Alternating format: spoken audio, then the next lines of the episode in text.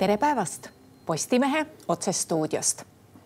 erakond Eesti kakssada valib nädalavahetusel uut juhti ja diskussioonid selle üle, kas äkki on see juhi valimine tulnud liiga kiiresti, on erakonnas juba päris emotsionaalsed.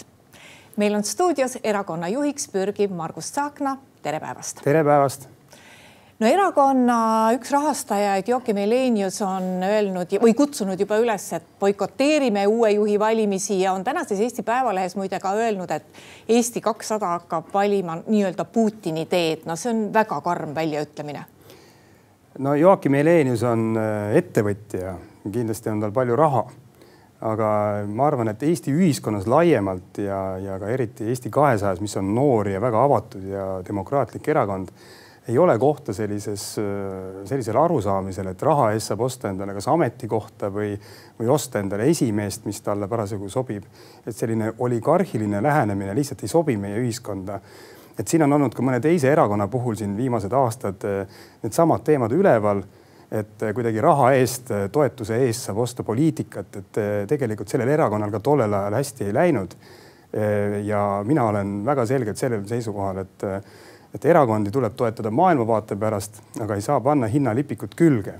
et mulle üks inimene sobib ja teine ei sobi või mulle üks poliitika sobib ja teine ei sobi või et ma tahan saada mingit ametikohta selle eest. et sellel arusaamisel kindlasti Eesti kahesajas ei ole kohta ja muidugi võrrelda tänapäeval, äh, tänasel hetkel, kus äh, Putini Venemaa äh, tapab sadu tuhandeid inimesi, küüditab lapsi, viib läbi agressiooni Ukrainas ühtegi Eesti erakonda Putini erakonnaga, olgu see Eesti kakssada või ükspuha milline Eesti erakond. Äh, noh, see näitab, et äh, kas väärtushinnangud on valed või ei saada lihtsalt aru, mis toimub. Putiniga võrdlemine on ikkagi nagu ühtepidi ülitõsine teema ja teistpidi või siis ennast ise naeruvääristav teema kui me räägime nüüd sellest üleskutsest boikoteerida erakonna juhi valimist, et sel põhjusel, et lihtsalt aega on vähe ja ei ole teisi tõsiseltvõetavaid kandidaate teie kõrvale kerkinud. et eh, kas see võiks erakonnas kõlapinda leida, et mis toimub nädalavahetusel, et kas juht ikkagi valitakse või jääb peale nende hääl, kes ütlevad, et lükkame edasi? Eh, erakonna juhatus on ju kokku kutsunud üldkoosoleku vastavalt erakonna põhikirjale mitte midagi erakorralist muud ei toimu kui see, et meie esimees Lauri Hussar astus erakorraliselt tagasi. ja selles mõttes on ju kõigil olnud võimalik kandideerida erakonna esimeheks ja peale minu on veel üks kandidaat vähemalt. ja teine on see, et erakond on ju omavahel ka arutanud nii fraktsioonis, erakonna liikmete vahel. ka mina olen ju arutanud, et kas ma kandideerin või kes võtab tegelikult selle saua enda kätte ei ole ju mingi saladus, et äh, mul endal ei ole ju olnud ühe selle erakonna asutajana ja väga suure kogemusega poliitikas, äh, mul ei ole olnud endal seda erakonna esimehe ambitsiooni. aga täna oleme lihtsalt selles hetkes, kus me ühiselt jõudsime arusaamale, et äh, väga keerulises poliitilises olukorras, mis on Eestis, väga suurte väljakutsetega, mis otsuseid veel peab langetama see koalitsioon, on vaja sedasama kogemust ja kuna ma olen olnud ju Eesti kahesaja valitsusdelegatsiooni juht, koalitsiooni läbirääkimiste pidaja ja see on mu igapäevane töö, siis, siis, siis see on see põhjus, miks ma võtsin selle ettepaneku vastu.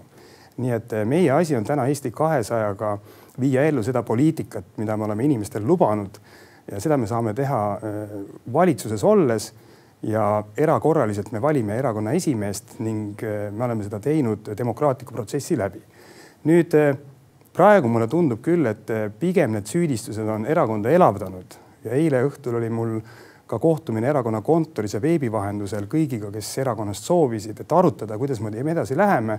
ja minu mulje oli küll, et eh, pigem see aktiivsus tuleb suurem, sest et eriti peale tänast väljaütlemist Joakim Heleniuse poolt, kus ta võrdles meie erakonda Putini erakonda, erakonnaga on seda väga paljud erakonna liikmed võtnud ka isikliku rünnakuna, äh, mitte ainult siis erakonna vastu, vaid äh, see solvab inimesi.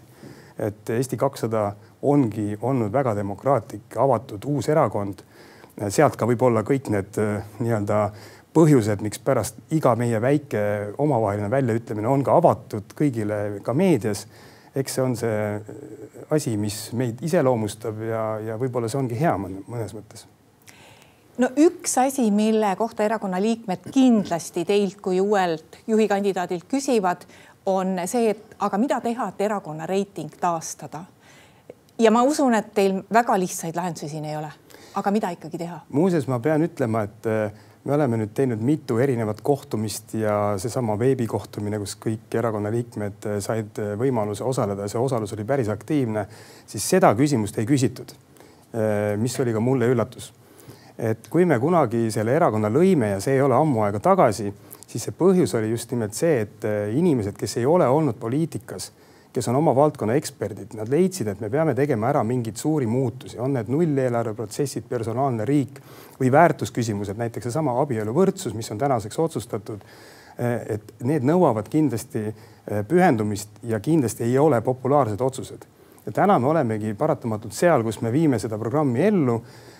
Olles ka valitsuses, oleme nüüd nii-öelda valgusvihus ja kõik erinevad skandaalid, on need seotud meiega või on need seotud äh, kellegi teisega valitsuses, need tabavad meid, sest paratamatult, kui sa võtad valimistel nõnda hea tulemuse nagu Eesti kakssada võttis, neliteist kohta oli ilma igasuguste äh, liialdusteta kõigile üllatus ka minule, siis paratamatult sel hetkel need ootused ongi väga kõrged, aga me tulime tegema päris raskeid asju ja oleme ausad Äh, see poliitiline kuur, kultuur, mis täna meie ümber on, kui me vaatame, kuidas Riigikogu töötab või ta ei, pigem ei tööta, siis ega äh, siin väga lihtne hakkama saada ei ole. nii et mis see plaan on, on see, et teeme oma asjad ära. meil on palju neid otsuseid vaja langetada, mis on veel ebapopulaarsemad kui tänaseks langetatud otsused, sellepärast et Eesti majandus, Eesti eelarve, Eesti perspektiiv laiemalt selles julgeoleku, majandus, finantskriisis on väga-väga äh, halb et me peame tegema veel hullemaid otsuseid ja mul on hea meel, et, et Eesti kahesaja inimesed on selle taga. teeme need otsused ära, ma loodan, et Eesti elu läheb paremaks ja kolme poole aasta pärast antakse tegelik hinnang, kuidas me hakkama saime muide, kuidas teie erakonna liikmed on reageerinud nii praegu erakonna valitsuses olekule kui ka ütleme sellele langevale reitingule, et on teil nagu palju inimesi erakonnast lahkunud? Meil ei ole palju inimesi erakonnast lahkunud, aga meil on erakonna inimesi juurde tulnud ja me oleme vist üks väheseid erakondi, kes on kasvamas. ehk siis eh, mida me peame küll organisatsioonina tegema paremini, on see, et me suudaksime kommunikeerida, et mida me teeme, miks me teeme neid otsuseid ja aga see paratamatult eh, kaasneb, kui sa oled suhteliselt noor organisatsioon ja järsku satud nii-öelda Riigikokku, ükspuha palju sa selleks ei valmista, see tuleb ikkagi ootamatult ja valitsusse ja järsku on seda tegevust äh, väga palju. ja see on ka üks põhjus, miks me nüüd äh, paneme ka oma tähelepanu just organisatsiooni ehitamisele seeläbi, et äh, eelkõige kommunikeerida liikmetele neid tagamaid, sest Eesti kahesaja liikmed, meil on üle üheksasaja liikme Nad on keskmisest aktiivsemad inimesed, nad on alles liitunud erakonnaga, neil on olnud mingi põhjus. Nad ei ole nii-öelda aastakümneid kuskil erakonna nimekirjas lihtsalt tiksunud. ja, ja see on ka tohutu potentsiaal muidugi, et kuidasmoodi edasi minna nii et äh, poliitika pärast lahkujaid, ma ei tea, palju neid on, võib-olla mõned üksikud äh,. aga liitujaid on küll. no kui me nüüd vaatame seda ühte praegu nagu väga teravaks läinud asja, milleks on võimalik õpetajate streik ja praegu tundub mm -hmm. ka mhm. nii, et tõenäoliselt see tuleb, sellepärast et kuigi sotsid ja teie erakond arvavad, et õpetajatele tuleb mingil määral vastu tulla, siis äh, Reformierakond praegu nagu ei taha üldse järele anda on see, on see natuke niimoodi, et aga eh, Reformierakond eh, noh, vaatabki, et eh, see ei ole nende probleem valitsuses, et see on teie probleem. kas see võiks olla teistmoodi, kui näiteks haridus- ja teadusministri portfell oleks Reformierakonna käes? no väga raske öelda, et kas see oleks siis teistmoodi, sellepärast et täna see niimoodi ei ole. eile me arutasime ju valitsuskabinetis väga pikalt just nimelt seda teemat, mille haridusminister Kristina Kallas sinna tõi ja see ei ole mitte ainult seotud õpetajate palkadega, vaid Kristina Kallas on toonud pikaajalise plaani, eh, kuidasmoodi oleks korraldatud koolivõrk, eh, kuidasmoodi oleks tagatud eh, õpetajate töökorraldus ja ka samuti õppe kvaliteedi pool. ja tegelikult, mida tahab Eesti kakssada koos haridusminister Kristina Kallasega, on see, et, et kui täna on see hetk, kui õpetajad tahavad istuda laua taha ja pidada läbirääkimisi, siis pidada neid läbirääkimisi suuremas pildis ehk siis pika plaani võtmes, nagu Eesti kakssada ütleb, ilma igasuguse naljata. see ei ole see hetk, kus Kristina Kallas lihtsalt streigi ähvarduse tõttu tuleb järsku valitsusse, ütleb, et andke meile raha et mina olen haridusminister, muidugi kõigil teistel ministritel on ka rahapuudus. on politseinikud, on päästjad, on kultuuritöötajad, kõik see teema on ju jätkuvalt järgmise nelja aasta jooksul laua peal. riigieelarve strateegias meil hetkel ei ole palgatõusudeks ühtegi senti ette nähtud. aga need ongi need teemad, mida valitsus peab arutama ja minu jaoks ei ole vahet, et kas peaministripartei on Reformierakonnast või on, või, või on see sotsid või on see Eesti kakssada või kes iganes. kui õpetajad, kes on ühed kõige lojaalsemad riigiteenistujad minu arvates, kes ei käi palga pärast tööl, vaid kes tegelikult ka tegelevad meie tulevikuga, meie lastega ja me teame, et nende olukord on keeruline, mitte ainult palga pärast, eelkõige töökoormus, eelkõige sellega pärast, et õpetajaid on puudu, siis ei ole võimalik valitsusele öelda, et me ei istu laua taha, et me ei aruta. me ei saa seda öelda ja see ongi meie väga selge seisukoht ja Eesti kakssada siin väga selgelt on, on nii Kristina Kallase kui haridusministri taga. aga me ei saa lihtsalt seda teemat kuskile kõrvale panna ja öelda, et me täna sellest ei räägi. õpetajate streik tuleb tänase seisuga, nii palju kui mina tean. ja me ei pääse valitsusena selle teema arutelust igal juhul aga kus seisus te praegu olete, et järgmine kord tuleb see teravalt valitsuskabinetis üles siis, kui lapsed pärast jõuluvaheaega enam kooli ei lähe või? No arvatavasti, et kuna käimas on tegelikult esimest korda ametlik äh, lepitusprotsess ja streik, ähvard-, tähendab äh, hoiatusstreik on juba toimunud. et siis, kui mitte täna, siis lähiajal peab riiklik lepitaja omapoolse pakkumise tegema ja seda peab valitsus arutama uuesti, see on esimene kord.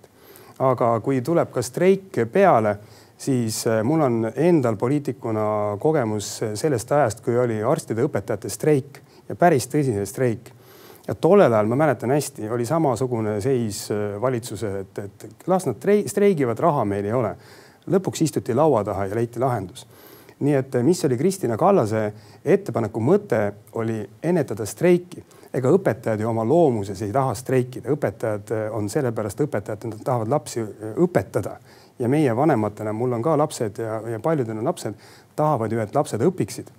et äh, Kristina Kallase ettepanek oligi, et istume nüüd laua taha, kutsume omavalitsused ka laua taha, sellepärast et omavalitsused on tegelikult kooliomanikud ja maksavad õpetajatele palka.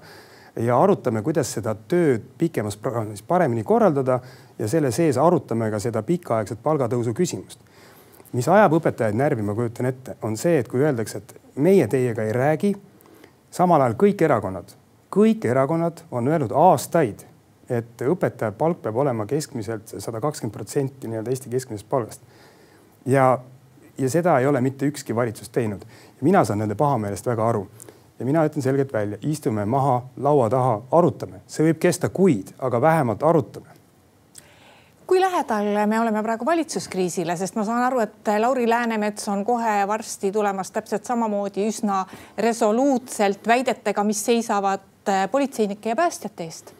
no Eesti kahesaja poolt vaadatuna ei ole meie eesmärk kindlasti valitsuskriis sest et eh, ega palgatõusud ei ole ainukene suur probleem, millega me peame tegelema. Eh, mul on endal kogemus ju kahe tuhande kaheksanda aasta majanduskriisist, mis meid tabas väga ootamatult, aga sellele eelnes tegelikult majandusbuum. Ja me elasime selle kriisi küll jõhkralt, aga suhteliselt kergelt ikkagi üle. Eh, me oleme nüüd olnud järjest suurtes kriisides, alates Covidist, energiakriis, finantskriis, Euribor on tõusnud, inimesed, kes käivad tööl, kellel on lapsed ja majalaenud, maksavad palju rohkem täna pangamakseid igakuiselt onju. Äh, samamoodi meil on poliitiline kriis ilma igasuguse naljata, see kultuur on väga alla läinud ja me elame konstantses ja ma võin välisministrina öelda süvenevas julgeolekukriisis. ja selles olukorras on meil ka eelarvekriis. see palgaasi on üks teema, aga meil on tegelikult haigutamas ju kahekümne viiendast aastast peale väga suur eelarveauk, mis ei ole kuidagi kaetud ei tuludega ega kärbetega, seda arutelu täna ei käi meil ei ole aega siin passida, me peame leidma lahenduse ka sellele. kui ma olen võrrelnud alati ka riigieelarvet nagu pere-eelarvega, et kui pere teab, et tal on raha puudu ja kulud on üle, siis ta peab midagi ette võtma, seda ei ole võimalik kuskile lükata või ei ole võimalik võtta lihtsalt laenu peale jooksvateks kuludeks. ehk siis need on need suured küsimused, mis tuleb lahendada, mis tuleb läbi debateerida, mitte ainult koalitsioonis, vaid laiemalt. sest me ei ole minu hinnangul ühiskonnana julgenud eriti poliitikute poolt välja öelda, et, et meie inimeste ootused elustandardi suhtes on tõusnud. meie majanduse tootlikkus ei ole nõnda kõrge, me peame aitama ettevõtjaid kaasa sellele, et meil oleks tootlikkus nagu Põhjamaades ja siis me peame lõpuks leidma, leppima kokku, et aga kui palju me oleme nõus selle kõige eest maksma. sellist avalikku debatti ei ole ausalt minu arvates toimunud ja see ongi üks äh, asi, mida me Eesti kahesajana ka selles valitsuses tahame teha. otsused peavad langema järgmise aasta esimeses pooles. Äh, ja sellest me mööda kuidagi ei saa nii et äh, palgad on üks teema, aga paljud teised teemad, eelkõige mis seotub, seondub majandusega, on tegelikult need, kus tuleb lahendused leida no vot täpselt samal nädalavahetusel, kui teie peate oma erakonna üldkogu, teeb seda ka Reformierakond ja äh, Reformierakonnas on ju tükk aega juba tagasi teada, et neil sealt mingit uue juhi küsimuse diskussiooni ei teki. samas räägitakse avalikkuses päris kõva häälega, et Reformierakonna juht Kaja Kallas on ametis kuni kevadeni ja siis võib-olla asub Euroopasse mõnele teisele ametile tõenäoliselt oleks väga viisakas teada, et äh, valitsuskoalitsioonis, kui seal võiks vahetuda ka peaminister, sest äh, peaministri noh, nii-öelda tagasiastumine sellisel juhul või mujale suundumine äh, loob väga uue olukorra. no on selge, et selles valitsuses on peaministripartei Reformierakond. Neil on kolmkümmend seitse kohta, nüüd liitus veel üks inimene Keskerakonnast ehk siis see, kes on peaminister, see sõltub eelkõige Reformierakonnast endast Äh, Kaja Kallas ei ole tulnud minu juurde ja öelnud, et tead, Margus, et mul on plaan lahkuda, et niimoodi ei saagi ju teha. Äh, sest et ta on täna peaminister ja ta peab olema pühendunud äh, Eesti riigi asjade ajamisele, sest et see on tema töökohustus. Nüüd see, et Reformierakonnas arutelu käib ja need pinged on seal üleval, noh, seda me, seda me ju teame, siin ei ole mingit saladust, sest et Reformierakonna enda liikmed seda räägivad. ja kui me räägime poliitilistest protsessidest, et siis kui et Eesti kakssada valib endale esimeest seetõttu, et on erakorraline tagasiastumine Lauri Hussari poolt. aga me ei muuda ju oma poliitikat otseses võtmes, võib-olla me oleme jõulisemad, võib-olla me oleme kogenumad, mis puudutab erakonna juhti, aga meie plaan on sama, meeskond on sama. Siis tegelikult toimuvad väga olulised valimised Reformierakonnas, mis puudutavad juhatuse valimisi. sest juhatus Reformierakonnas on see, kes määrab juhul, kui näiteks Kaja Kallas peaks minema mõnda Äh, mõnele kõrgemale töökohale uue järgmise peaministri. ja see on tegelikult päris suure kaaluga, nii et äh, tuleb jälgida mitte ainult seda, mis Eesti kahesajas toimub, sest et ka meie teeme tähtsat otsust, aga ka seda, mis toimub peaministri parteis päev varem no jääme ootame Europarlamendi valimisi ja siit kohe minu küsimus ka, et aga mida teie teete, kas te kandideerite ka kevadel Europarlamenti? Äh, ma pean tunnistama, pole selle peale mõelnud. Äh, mul on tunne, et Eesti kakssada võib saada mõned päris üllatuslikud, väga tugevad kandidaadid, aga igal juhul eesmärk on meil see, et äh, võtta üks koht sellest seitsmest kohast ja saata üks inimene siis Euroopa Parlamenti. Ja Europarlamendi valimised on selles mõttes huvitavad, et nad on hästi isikukesksed, et erakondade reitingud võivad olla siin head või halvad aga lõpuks inimesed valivad äh, seda inimest, kes kandideerib ja võib-olla isegi vähem seda erakonda, mis on siis seal taga. Äh, kuna Eesti on ka üks valimisringkond Europarlamendi valimiste võtmes, nii et ma väga loodan, et Eesti kakssada tuleb välja, meil on praegu väga tugevaid kandidaate, aga meil tuleb ka üllatusi, nii et me selle ühe koha vast suudame saavutada. Margus Saakna, kui teid valitakse nädalavahetusel erakonna juhiks siis äh, tekib meil olukord, kus meil on valitsuses kolm erakonna juhti. kui palju äh, annab see teile võimaluse jõulisemalt seal tegutseda, sest tõenäoliselt üks asi, mida erakonna liikmed teilt ka ootavad, on see, et äh, erakond oleks valimisliit või valitsusliidus või võimuliidus jõulisem no ma olen olnud täna siis alates selle valitsuse ametisse astumisest siis Eesti kahesaja valitsuse delegatsiooni juht ja meil see kommunikatsioon äh, Lauri Hussariga kui erakonna esimehena, kes äh, on kandnud ja kannab täna Riigikogu esimehe vastutust, on olnud väga hea ja samamoodi erakonna juhatuse ja fraktsiooniga, et see ongi olnud minu töö. aga eks ta just sellistest pingelistest läbirääkimistest näiteks, mis olid Vihula mõisas, kui me rääkisime riigieelarvet läbi ja ka äh, siis järgmise nelja aasta riigieelarve strateegiat. et eks see üks kommunikatsiooniaste jääb siis vahelt ära et lõpuks ikkagi istuvad erakonna esimehed laua taga, vaatavad teineteisele sügavalt silma ja siis kas sünnivad lahendused või lahendused ei sünni.